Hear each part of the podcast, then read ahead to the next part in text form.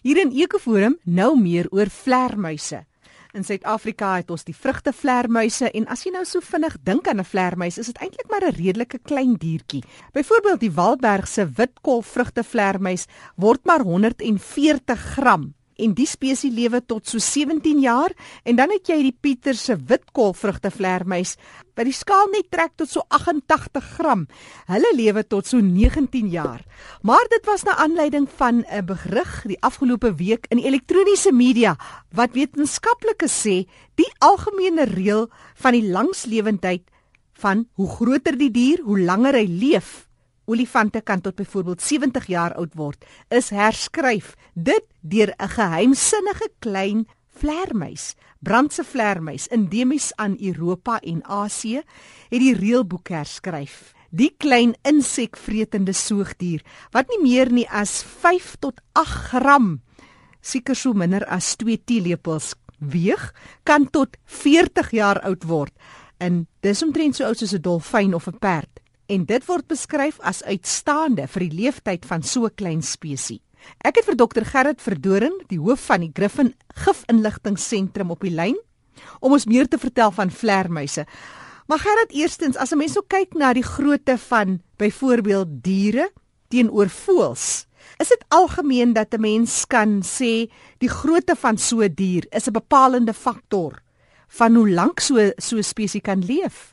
Uh, kyk as ons kyk na die voëls veral, dan sien ons dat die die groot voëls, byvoorbeeld die van kraanvoëls en die aasvoëls en sulke goedes leef regtig waar baie lank. Daar's rekords van kraanvoëls wat hierso by 68 jaar oud geword het. Teenoor voor te mossie wat miskien op sy beste leeftyd miskien hierso 8 na 9 jaar oud word, maar tog is uitsonderings.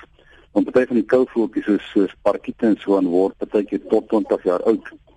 As ons dit nou deurtrek na die soort dan dan kan jy self begin van naamlik dat hoe groter en swaarder, hoe langer is die leeftyd en hoe kleiner en hoe ligter hoe korter is die leeftyd. Die skeerbekke is nou van hierdie klein goedjie wat lyk soos muise maar in 'n groot dis hulle lewensduur is maar iets so 7 na 8 maande. Terwyl 'n olifant se lewensduur is 60 tot 70, miskien 80 jaar. Hmm. Maar onthou nou met met die biologiese stelsel met lewende organismes en wat altyd meer uitsonderings as reël in die biologie. En dan as mens kyk na die vlermuise wat nou hierdie berig oor gaan dan is eintlik verstommend om te dink dat so 'n klein bietjie hierdie geweldige ouderdom kan behaal. Uh, ons weet die Megachiroptera wat die fotokleinisse is wat nie sonar gebruik nie. Ja. En dan die Microchiroptera wat die eintlik effektief is wat hierdie hierdie ehm um, metode gebruik van jy weet so uh, radaruitstraling die ons van met die oortjies. En die ander van die Megachiroptera is baie bekend daai fotokleinisse baie keer tot 25 jaar oud. Ek dink die Megachiroptera en dan die fotokleinisse ons weet vir 'n feit hulle word baie keer tot my nog uit maar niemand te besef dat hierdie klein vlug hierdie klein vermis wat die mikroskopter is word nie. En as mens die vraag moet begin vra nou maar hoekom dit is omdat die vlermuise in die geval van meeste soorte of meeste spesies gaan in 'n mate in 'n soort van 'n winterslaap in. Dit eintlik in terme van dis die die turpor wat hy hy sien werklik waar in diep winterslaap soos 'n reptiel nie maar as tog in 'n in 'n fase van baie stadige metabolisme en dan is daai diertjie word yskoud basies die hartklop verstadig of verlangsaam net eenmal en die asemhaling verlangsaam net eenmal. Nou, dit gee klaar vir jou die idee dat die spesies met langer leef mm. as 'n gewone soortie wat gedurig aan die gang is, gedurig lig op liggaam se te leef en gedurig energie op 'n groot skaal verbrand. So ek sou sê dit is miskien die rede hoekom hierdie goed so lank kan leef in die omgewing anders as wat die kleiner soorte soortdiere wat aan hulle miskien aan dieselfde verwant is uh miskien korter lewensduur het. Nou as jy nou praat van hierdie slaap wat hulle ingaan is amper so 'n uh, semi-dood toestand as ek dit nou so in aanhalingstekens kan sit. Ja, de... ek het nou van hulle gehanteer wat uh, mens nou in 'n grot gaan kry of byvoorbeeld die wat in 'n piesang blaas slaap as 'n daai turpor of en hy sê nie slaap is. En jy moet hom basies vir 'n hele paar minute in jou hand hou en warm maak vir jou as jy ook begin oopgaan voor hy begin besef maar hy's nie weer lewe op die aarde nie. So as mense spesifiek kyk na die vlermuise, interessante spesies en hierdie wat ek nou na verwys het die berig is brandse vlermuis. So dis 'n baie klein diertjie. Hierdie sit nou ook 'n verdwergings uh, element in hulle voortbestaan. En dan is daar mos nog ander groepe in die spesies wat 'n bietjie groter is as byvoorbeeld brandse vlermuis. Maar onder hulle groep Beteken dit ook dat die kleintjie soort van 'n kans het om langer te oorleef of te leef of in die groep self? Hoe sou jy dit vir ons uitrol? Nee, ek dink nie die ek dink nie die vleermuis as mens nou vat in die hele vleermuis groep dat die grootte van die vleermuis gaan eintlik bepaal wat die lewensdier is nie. Dan maar af van elke spesies en dan maar af van evolusionêre ontwikkeling. Jy weet in hoe hulle hulle self in die in die ekologie aanpas. So ek dink nie die grootte gaan eintlik gesê bepaal wat 'n lewensdier is nie. Dis dokter Gerrit Verdoren wat uh, vinnig sy insette gegee het hier oor vlermuise, 'n belangrike spesies. Mens kan seker ook nie genoeg praat oor hulle rol in die ekosisteem nie en al daai ou mites wat eintlik hierdie spesies kwai laat deurloop oh. onder vrektes.